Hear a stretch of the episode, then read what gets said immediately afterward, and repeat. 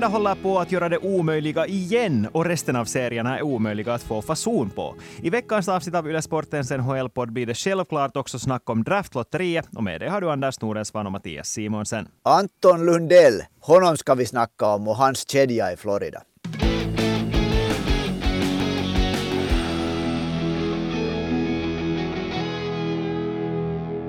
Men innan vi tar och går in på det så vill vi rikta ett enormt tack till alla som kom och lyssnade på oss och snacka med oss framförallt på kåren. Det var jätteroligt att så många ville komma och framförallt att ni ville delta så aktivt i diskussionen. Det var precis det vad vi önskade att det skulle bli och vi är jättetacksamma för att det blev så också. Ja, verkligen mycket tack. Det var just den där känslan som man, som man har, liksom att det finns många som inte, inte så intresserade av NHL, men alla som var där på plats tyckte att det är viktigt vem som gör ett bra byte i tredje, tredje perioden. Mm.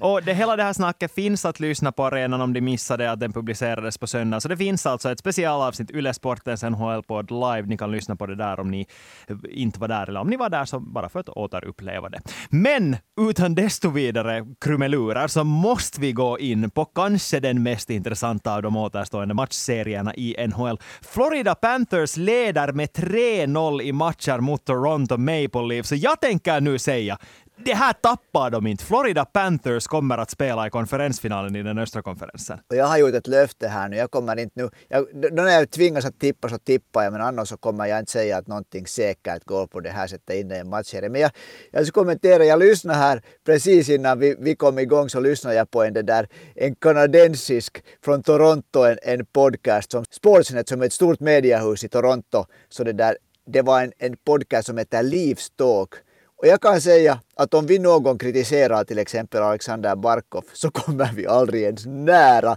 den mängd med avfall som de slängde över Austin Matthews och Mitch Marner.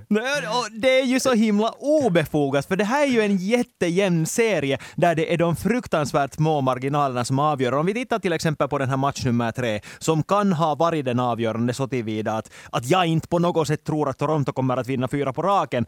Och det var ju det att Samsonov skadade sig. De, var de tvingades att byta målvakt, slängde in Wall som såg kall ut, så sval ut, så ängslig ut, så osäker ut och så kom det där avgörande målet i förlängningen på ett, tycker jag, ett sätt som man nog kan beskylla målvakten för. Man kan beskylla målvakten, men visst kan man beskylla, det var tror jag fyra olika spelare som på något sätt skulle ha kunnat påverka Sam, Sam Reinhardt som liksom på, i neutralzon avancerar först igenom upp i, upp i anfallszon liksom och han surfar förbi spelare och så var det ingen i försvaret heller som liksom äh, ställde upp då när, när han rundade målet.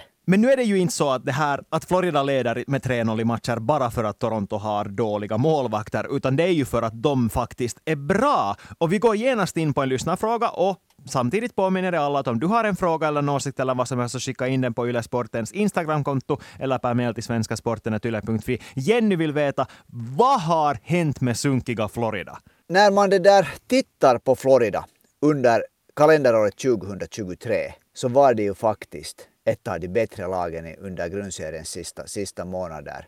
Eh, bara Edmonton hade mera skott på mål, bara Edmonton gjorde fler mål än Florida. Så den där sunkigheten, jag har också hört till dem som har sagt att de är sunkiga, så det, det var kanske höstens sunkighet som påverkar bilden ända in, in till, där till, till slutspelet. Sen ska det ju sägas att de börjar ju inte speciellt bra mot Boston. Att det där. Någonting otroligt hände där med, med hur ett lag plötsligt växer och nu har de vunnit sex matcher i sträck. Det brukar ju inte hända i slutspel i NHL att ett lag bara kör sex segrar på raken. Nej, och jag tänker ju nu inte stå här och säga att jag tror att Florida kommer att svepa Toronto. Det tror jag till och med att det är ganska osannolikt. Men med det sagt så en, en fjärde match på hemmais så kan det nog hända det kan vara att det händer, men samtidigt blir jag inte överraskad om Toronto tvingar fram åtminstone en match fem, eller varför inte också en match sex, men jag tror bara inte att de vinner fyra på raken nu. Det som man ändå inte heller kommer ifrån är att Toronto, Toronto Florida hade ju hela tiden ett bra lag på pappret. Att det, det, här är ett lag, eller det här var ett lag från första början som skulle gå till slutspel och till och med ett lag som skulle utmana om de här tre första platserna i Atlantic. Inte kommer vi ju från det på något sätt heller. Nej, alltså inför säsongen så tippade jag ju att, att de två bästa lagen i Atlantic skulle vara Toronto och Florida. Det skulle vara lag som är det där bästa. Jag tippade ju bland att Boston skulle ta sig med, med wildcard vidare. Att det där, jo, Florida är ett, ett bra lag, men ett bra försvar har de inte och det har vi ju kritiserat. Och det ännu heller så är deras backtrupp liksom, ser inte bra ut. Att det där, och är inte speciellt bra om vi ska vara helt ärliga. Men på något underligt vänster så funkar det så att när att de också de deltar alla nu i spelet forwardarna är med, de spelar, spelar kompakt och Floridas spel för tillfället är ju bra. De, de, de lyser av självförtroende. På ett sätt så man kan inte säga att de dominerar Toronto, för det gör de nog inte ute på isen. Men inte blir de i underläge heller. Nej, verkligen inte. Oavsett vad det står på tavlan så vet man att de inte kommer att ge upp. Och det är kanske kännetecknande för dem den här säsongen. Det var inte kännetecknande för dem den förra säsongen. För de var ju bra i fjol, de var bäst i grundserien i hela NHL i fjol. Sen föll, kollapsade de totalt i slutspelet. Och helt som Kasper påpekar, det här ser helt annorlunda ut. Och vem är det som ska ha cred för det? För efter det har de bytt tränare. Nu är det Paul Maurice som tränar dem. Är det han som ska få all cred för det här? Eller är det de nya spelarna som har kommit in, då framförallt Matthew Chuck, eller är det något helt annat? Nu måste där vi väl motvilligt, du och jag också, ge cred nu till Paul Maurice för det som inte tycktes funka under då hösten. Så det där, äh, om man talar om att, att det behövs tålamod i processen, så nu har det ju funkar visserligen så behövde de ju all hjälp av, av Chicago för att slå Pittsburgh i sista matchen för att de överhuvudtaget kom med till slutspelet.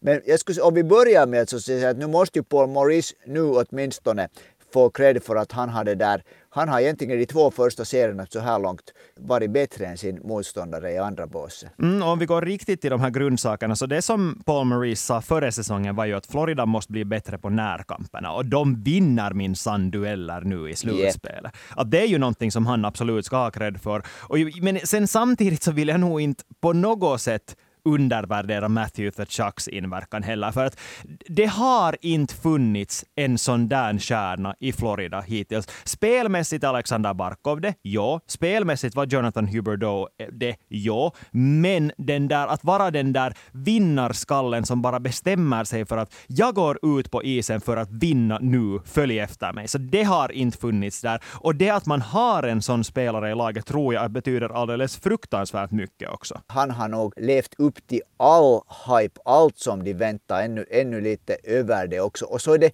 såklart, han som individ har gjort, han har gjort 15 mål redan så här långt i, i slutspelet, 10 matcher. Men det att den där kemin, speciellt då mellan honom och centern Sam Bennett som ju också har ett förflutet i Calgary, de är bästa kompisar.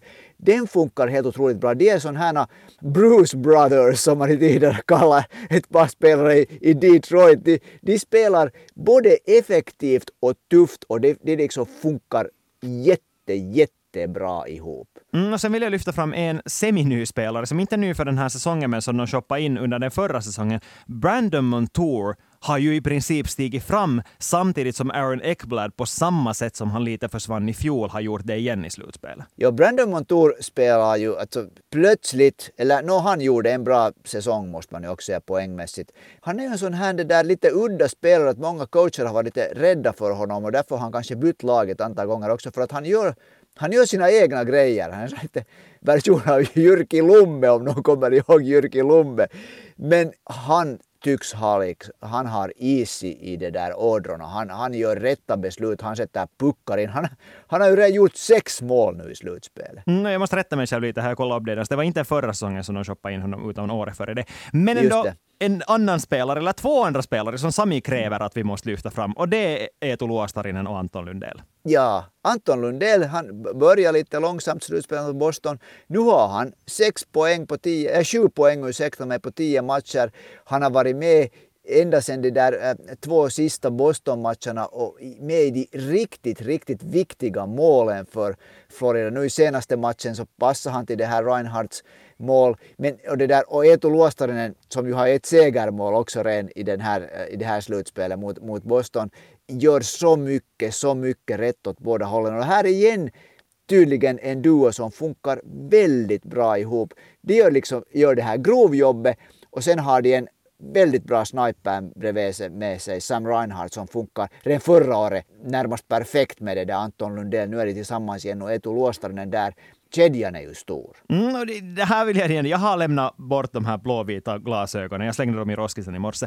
För att jag vill nog säga att Sam Reinhardt är den viktigaste spelaren i den här kedjan. När man tittar på hur de spelar på isen så Sam Reinhardt är den som driver det offensiva spelet åtminstone. För att vi talade om det redan tidigare under säsongen när vi just kallade Florida sunkiga, eller vilka ord vi nu använder för att kritisera dem i väldigt hårda ordalag. Så då var en av den här kritiken som vi riktade mot Paul Maurice det att Sam Reinhardt inte fick spela med Anton Lundell som bevisligen var någonting som fungerar jätte jättebra förra säsongen. Nu är han där igen och jag tror att det mer än vad det är Lundell och Luostarinen så är det kanske ändå mest Sam Reinhardt, tycker jag. No, Sam Reinhardt är ju den här som sätter puckar i mål. Och jag tror att, att det gynnar hans sätt att spela, just att han spelar, spelar med Lundell och Luostarinen som båda är väldigt, väldigt plikt, eh, spelar plikttroget när det gäller att vara under, under spelet och, och, och försvara. Inte så att Sam Reinhardt nu för tiden är då, dålig på det heller, men han har en lite, tycker jag, annan roll. Jag skulle egentligen inte vilja höja någon av de här spelarna nu över de andra. Jag tycker de att de fungerar helt otroligt bra ihop och alla har sina styrkor som jag tycker att är lika viktiga för den här kedjan. Om vi vänder på steken då. Jonas vill veta varför har Toronto så svårt med Florida? Nå, en väldigt stor orsak är ju att de det där inte har lyckats överlista Sergej Bobrovski ordentligt. Ja, alltså jag skulle också säga att de har inte egentligen så jättestora problem spelmässigt mm. med Florida, förutom det att de inte får in pucken. Och där är det ju mest bara det att, som de här Toronto-poddarna kanske också lite lyfter fram, att de här kärnspelarna har bara inte levererat. Nej, och det där, det som jag kanske inte riktigt på samma sätt har sett, men som just de här tre arga männen från Toronto, som var verkligt arga. Jag kan rekommendera gå och lyssna på den podcasten podcasten om ni vill höra det där. Den heter Livstalk. Vi marknadsför nu en annan här men kanske det är inte så farligt det där. Det där. Så de säger att, när de här, att det som Toronto inte gör, att de inte vinner de där returerna framför Bobrovskis mål och de gör inte mot en backbesättning som också enligt de här tre herrarna är AHL-nivå. Och sen följande följdfråga. Vad händer i Toronto om de åker ut? Till och med om de blir svepta. Kommer det då att leda till stora förändringar i laget? Jo, det kom, nu, nu kommer den där förändringen. Nu kommer den där förändringen och jag tror att den börjar uppifrån. Den börjar uppifrån från Kyle Dubas tror jag. Jag tror inte att Sheldon Keefe heller sitter kvar om de åker ut. För, om de blir svepta, det, det, det där äh, de ham, äh, jag tror att det här de hamnar under i 3-0 fast de skulle vinna i en match så kommer man att tycka att de blev svepta egentligen. Att Florida avgjorde då när det, då när det gällde då var Toronto för mjukt enligt det där många. Så jag tror att nu kommer den där punkten att nu är, det, nu är liksom måttet rågat. Alla kommer säkert splittra. Jag tror att Matthews och Marner nog lär ska bli kvar. Men det, där, det kommer att ske stora förändringar. Det är jag, jag är helt övertygad om det.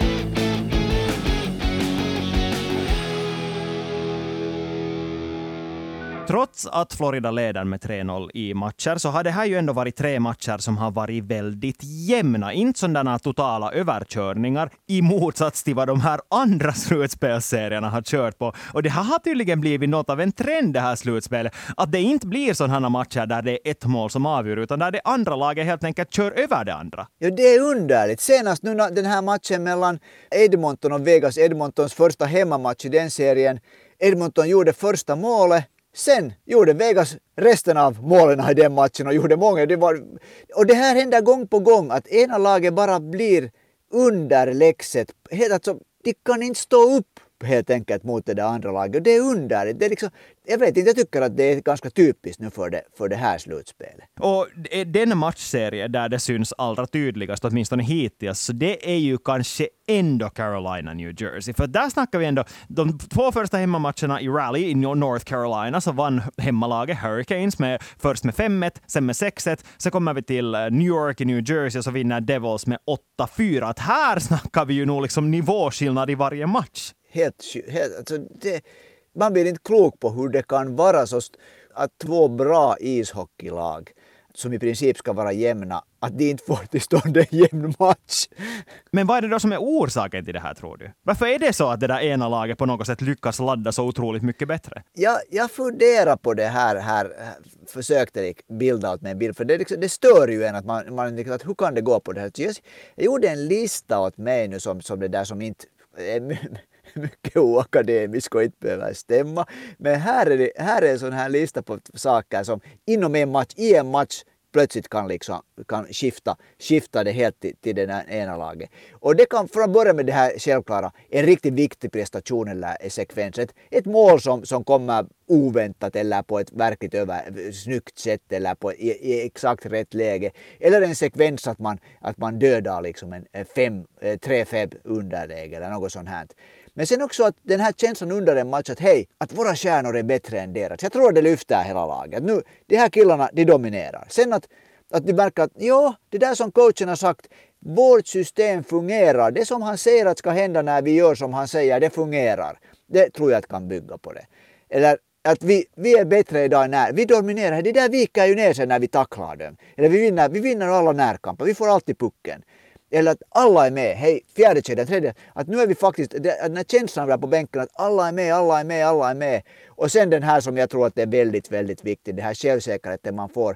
Vår målvakt idag, att han tar allt han ser. Mm. Ingenting går bakom honom som han inte ser. Mm, mm. Och där är det ju ändå liksom ganska små marginaler, det är ganska små saker som kan avgöra inom matchen till och med. För jag tror helt som du att det där är någonting som växer fram under själva matchen. Att det är inte så att, att när de här spelarna i princip vinner eller förlorar matchen redan i omklädningsrummet före pucknedsläpp, utan att det är saker som händer i början av matchen som sen gör att det går så här. För vi, om vi tittar på till exempel Carolina New Jersey, så det här är ändå väldigt eller två väldigt, väldigt bra lag. Det kommer vi ju inte ifrån. Det är lag som har tagit sig till den andra slutspelsomgången. De är per definition bra lag. Och till exempel, helt som Sebastian lyfter fram i sin kommentar till oss för det här poddavsnittet, när han sa att den här Game 3 mellan de här två lagen var bara otroligt märklig. Att Carolina till exempel borde ha fått en 2 plus 2 minuters powerplay när Sebastian Aho fick en hög klubba i ansiktet som domaren av någon outgrundlig anledning missade. Domaren stod helt bredvid och missade att Sebastian Aho fick klubban i face och till och med skar upp ansiktet så att det blödde. Det borde ha lett till fyra minuters powerplay. Och om Carolina skulle ha tagit vara på den, så då skulle det ha blivit en helt annan match. Då skulle det ha varit kvitterat eller till och med skulle Carolina ha kunnat gå upp i ledning. Jag håller med. Det var, det var en verkligt underlig underlig sekvens. Just en sån här sekvens som domaren nu gjorde som, som kanske gjorde att, vare sig det stämmer eller inte, att känslan på Carolinas bänk var att hej, vi har domarna emot oss. Ja, men samtidigt så har det kanske varit lite samma känsla under de tidigare matcherna. Jo, för Devils-fansen har ju uttryckligen varit, eh, både i match 1 och 2 så har de hittat en massa sådana i deras tycke märkliga domslut där domarna har gått emot Devils då i, i deras ögon. Men det är ju så, att det påver och det påverkar säkert. Och det är ju människor de här spelarna. De, de, de, de påverkas av det här och, och, och, det där. Om man tycker att nu, är det, nu har vi också dem emot oss. Så, så nu det där det är för hur mycket proffs de än är, hur mycket de har sett, sett och varit med om, så ändå tror jag att det här är någonting som gnagar på, på självförtroende till exempel. Mm, alltså jag skulle nästan mer säga ändå att det är ett tecken på att det är någonting som inte stämmer i den där mentaliteten. För när man börjar leta efter bortförklaringar på det där sättet, så då, så då är matchen den förlorad, skulle jag säga. Ja, nu måste jag ju säga att nu var det ju höjden att det inte blev två plus två. Det var ju ett fullständigt fullständigt... Man kan inte låta en sån situation gå förbi. Uh, Jonas har två frågor. För det första, det här att Carolina tydligen är jättebra på att göra boxplaymål. Är det någonting som kommer att gynna dem mot just Devils? De har ju alltid varit bra på att göra. Så länge Sebastian Aho har varit där, den här generationen Carolina-spelare, har varit bra på att göra boxplaymål. Vi, vi ska nu se, månne inte, månne inte Devils har funderat på det här att, det där, att, att vi kan ju inte förlora matcher när vi har mera killar på isen. alltså det, var nog, det kändes ju nästan som att när Carolina gjorde de där två blixtmålen i boxplay så kändes det lite som att kommer de ändå att vända det här? Och sen fick sen i sin tur Carolina en jättemärklig utvisning när Jacob Slavin i en duell som jag tyckte att var helt axel mot axel blev utvisad för interference när de båda gick efter pucken. Det var bara en jättekonstig utvisning. Och sen gjorde New Jersey Devils sitt första powerplay-mål mot Carolina Hurricanes den här säsongen i det powerplay som följde. Så det är liksom sådana jättesmå konstiga grejer i den här matchserien överlag. Men den här andra frågan som är mer väsentlig... Får jag säga bara att kanske vi får se det här att Carolina börjar, om de ligger under med ett mål, fem minuter kvar, så tar de en spelare bort på isen. ja, sätter sig medvetet i, i fyra mot fem. Men den andra mer väsentliga frågan, kan Carolina ännu vinna med det här spelarmaterialet? Alltså vinna den här serien så kan de ju definitivt vinna, det har vi ju sett.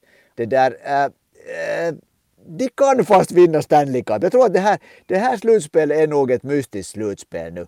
Alla de lagen som är med för tillfället tror jag att har kanske, kanske inte Toronto har kapacitet att gå hela vägen. Nej, alltså jag håller nog delvis med dig, för de har ju vunnit mot Devils i två matcher på ett väldigt övertygande sätt, men samtidigt visar nog Devils i den här tredje matchen att när de vill spela på det sättet som de gör som bäst, så då kan inte, då kan inte Carolina rå på dem. Men det kan man säga om Carolina i andra matchen till exempel. Då hade Devils ingenting att sätta emot. Nej, no, det är sant, för att om man litar, men så, såklart, om man litar på Rod Brindamore när han säger att han aldrig har sett sina killar spela så där dåligt, så då handlar det ju inte bara om att Devils var bra, utan också om att Carolina var dåliga. Och samma sätt var Devils också dåliga i match två till exempel, när Carolina var jätte, jättebra. Så ja, det, det är en helt bra poäng. Det är en helt bra och, poäng. och nu är det ju så, eftersom det har blivit nu redan för andra året i sträck har det blivit tydligt att Carolina har kanske största boosten av att spela på hemmais av alla lagen i slutspelet. Och den sjunde matchen, om det går till sjunde matchen, så spelas den i Raleigh. Men på tal om märkliga matchserier, så nu börjar det kännas som att Seattle-Dallas kan bli en riktigt konstig matchserie den också.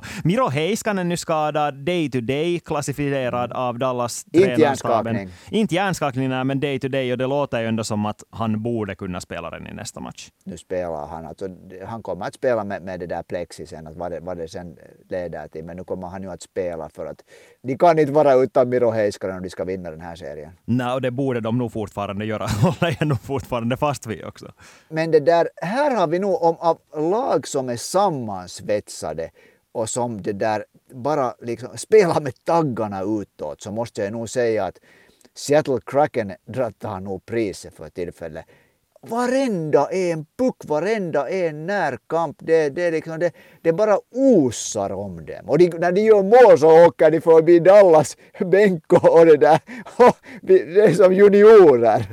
Alltså jag tycker på något sätt att de här, de här två matcherna just att de på sitt sätt är ganska liknande. Att vi har det här mm. ena laget som uttryckligen spelar defensivt och malar på med de här fyra kedjorna mot det här ena laget som på pappret ska vara så otroligt mycket bättre offensivt. Och att här igen så det, det känns som att det är lite mer extremversioner av de här i Devils mot, mot Carolina Hurricanes än vad det är i Dallas mot, mot Seattle. Men samtidigt så det kan gå helt hur som helst egentligen. Speciellt om, speciellt om, det, om, det, om det totalt överraskande nu är så att, att att Jake Ottinger förlorar målvaktskampen mot Grubauer som det ser ut för tillfället. Grubauer var ju klart bättre än Alexander Georgiev i den första omgången, så inte det är ju någonting som just nu skulle överraska, för Odinger har inte varit så bra. Nu var han ju väldigt, åtminstone enligt statistiken, så nu var han väldigt bra i de där två första, i, den, i, i första matchserien.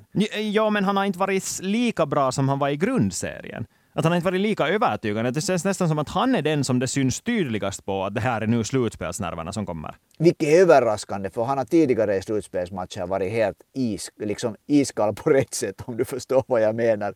Att ja, ja, det, där, det är verkligen överraskande att det där... Får se nu, fortsätter de ännu med honom eller tar de Wedgwood in i när, till följande match? Men nu måste de ju fortsätta med Odegaard. Inte kan du ta in en Wedgwood som inte har spelat något. Alltså okej, okay, alltså det var jag höll på att säga här, eller det var jag hade planerat att säga, var det att tidigare har Ottinger inte varit den där kärnan. Han har alltid varit lite en sån där dollis, eller, eller inte etablerat sig som en kärnmålvakt. Nu har han gjort det och då, då blir ju pressen på honom att leverera i slutspelet en helt annan. Och det, här vet, och det här har vi ju sett många gånger. Det, det är ganska typiskt för en målvakt att en målvakt när den kom, kommer sådär lite utanför, under radarn, så ställer den upp och blir en, en levande vägg. Men sen när alla väntar att det ska vara, eh, han ska vara en levande vägg så är det heller inte mera lika enkelt. Jag hade liksom tolkat att Jake Ottinger inte är den typens målvakt som låter sig påverkas. Men det där vi får se, han har många chanser ännu att, att vända på det här. Ja, och Dallas överlag har många chanser att vända på det här. Och det, de känns nog, alltså jag vill fortfarande nog stå fast vid att, att de känns som ett lag som faktiskt har det som krävs för att vända. För jag menar, de gjorde det mot Minnesota redan i den första omgången och Seattle må vara bättre än vad Minnesota var, men jag, ba, jag bara ser inte, säger jag nu och kommer att helt garanterat att få äta upp mina ord, men jag ser inte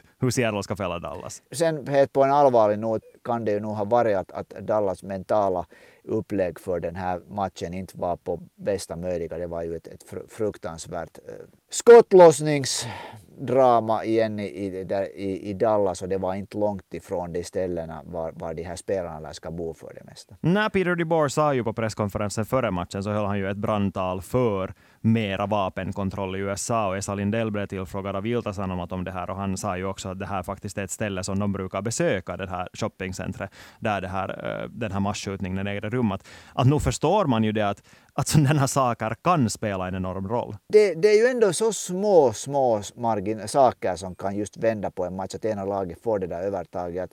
Allt räknas.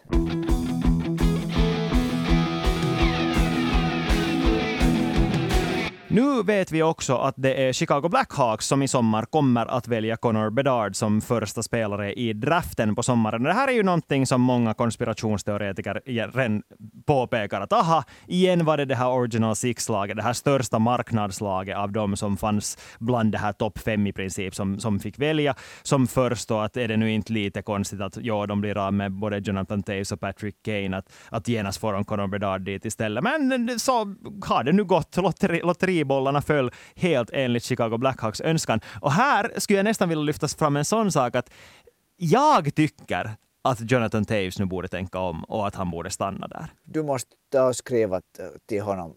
att Jonathan, hej, nu får du sluta upp och leka att du, är, att du har problem med hälsan. Att nu är det där, nu får du, nu, nu är det bara dags att fortsätta att spela. Men det där, hej, det är ju inte helt uteslutet heller att Patrick Kane skulle komma tillbaka till Chicago. Det, det, tror jag nog inte att han skulle göra, för nu kommer det ändå att dröja flera år innan de är mm. bra igen. Men min poäng var det att om vi tittar på de två generationella talangerna som man jämför Connor Bedard med, så det är Sidney Crosby och det är Connor McDavid. När Connor McDavid kom till ligan, till Edmonton Oilers, så var han genast deras största stjärna. Han var genast den som fick all press på sig att leverera och det kan man då argumentera för att så där, som organisation har de inte tagit så där jättestora steg framåt sen de tiderna faktiskt. Sidney Crosby hade en enorm hjälp av att ha en viss Mario Lemieux där mm. som mentor under sitt första år. Han bodde hos Mario Lemieux. Ja, och då snackar vi en annan spelare som också skulle ha kunnat lägga av på grund av hälsoproblem.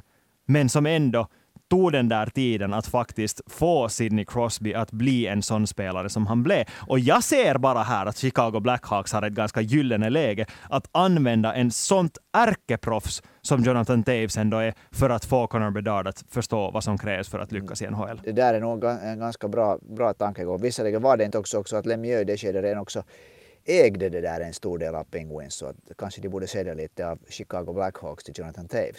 det borde de definitivt göra. Så det är helt klart att en, en mentor för en sån här ung kille för att det är nu inte så bara att komma in och ta över NHL under sin första säsong, hur mycket man ändå än är Conor Bedard. Han kanske han gör det. Men och ännu om det här lotteriet så jag ska, det var, det var liksom nu protesterar man att hej, att man fick ju inte se det där själva lotteriet utan man såg sen bara den här skådespelet efteråt när han, Bill Daley lyfte upp det här, hur det hade gått i lotteriet. Det var ju att man fick inte se de här bollarna. Det var ingen som sa hyvää ilta att nu, det, nu börjar lotteriet. Och det, det, har ju diskuterats när, när konspirationsteoretiker som säger att det alltid är fel, fel lag som får det här första valet. De två andra topp tre-valen kan vara sådana. No, okay, för det första, det så, han som kommer att gå som tvåa är högst antagligen Adam Fantilli och en spel, spelare som kan gå som trea är Sveriges Leo Karlsson. Och de här två spelarna kommer man faktiskt att få se i VM i Tammerfors. Så om man är intresserad av unga talanger så är det här två namn som man ska följa med. Ett namn som däremot inte kommer att finnas i VM i Tammerfors, så det hemma-hjälten Patrik Laine. Det var ju nog en besvikelse vi kan väl säga att jag tror att både du och jag gissade vid det skedet när, när, det, där, när det blev det här att han inte åker med till Tjeckien att nej, att det här kommer inte att funka, att han kommer nog inte att vara med. Mm, och det som ju nu är högst oklart är att vad det egentligen var som stoppade honom. För att det var Ilta Sanomat har rapporterat att enligt deras uppgifter så finns det åtminstone starka signaler om att det skulle ha varit Columbus Blue Jackets som i slutändan stoppade honom. Det har hans agent till exempel sådär halvt dementerat genom att säga att Jarmo Kekäläinen åtminstone ville att han skulle spela där. Men det betyder du menar ju Petteri Lehto? Ja, och han sa att Jarmo Kekäläinen ville att Patrik Laine skulle spela i VM, men det betyder ju inte att andra i Columbus Blue Jackets sen skulle ha satt stopp för det. Petteri Lehto sa ju, kom ut och sa att, att så här är det, läkaren sa att Patrik Laine inte får spela. Men vems läkare? Ja, just det, eh, på tam, i Tammerfors eller i Tesoma eller i Columbus. Ja, exakt. Om det är Columbus Blue Jackets tränare som säger att för att han ska vara i så bra skick som möjligt nästa år så får han inte spela. En ganska stor skillnad till det att nej, han har rör, liksom motionsförbud apropå konspirationsteorier så nu finns det också de som säger att det har hela tiden varit det var bara för att man skulle få höjt, höjt det där eh, förhands intresse för, för det där VM att man ser att Patrik Laine kommer till Tammerfors. Det köper jag inte för fem Nej, inte jag heller. Mikko Rantanen är på väg, herre. Oj, oj, oj, oj! Nu får du inte tänka om du jinxar det nu. men, men oavsett, det här är nu bara så som det fungerar. NHL-lagen är de som bestämmer och det är de som har det sista ordet. Nu är det dystert att det är på det sättet att spelare, om det till och med är så att en spelare som själv skulle vilja ställa upp bara blir stoppad så nu är det någonting, det kan vi inte gå in på här nu, men nu är det någonting som är riktigt, riktigt fel med internationell landslagsishockey. Mm, man kan ju alltid liksom fråga sig, skulle den här skadan ha stoppat Patrik Laine från att spela i NHL-slutspel? Det tror jag inte. inte. Nej. Nej, det är helt säkert. Och med det, den dystra slutklämmen tar vi och sätter punkt för det här avsnittet av Yle Sportens NHL-podd. Vi är tillbaka igen nästa tisdag. Tack och hej och ha det bra!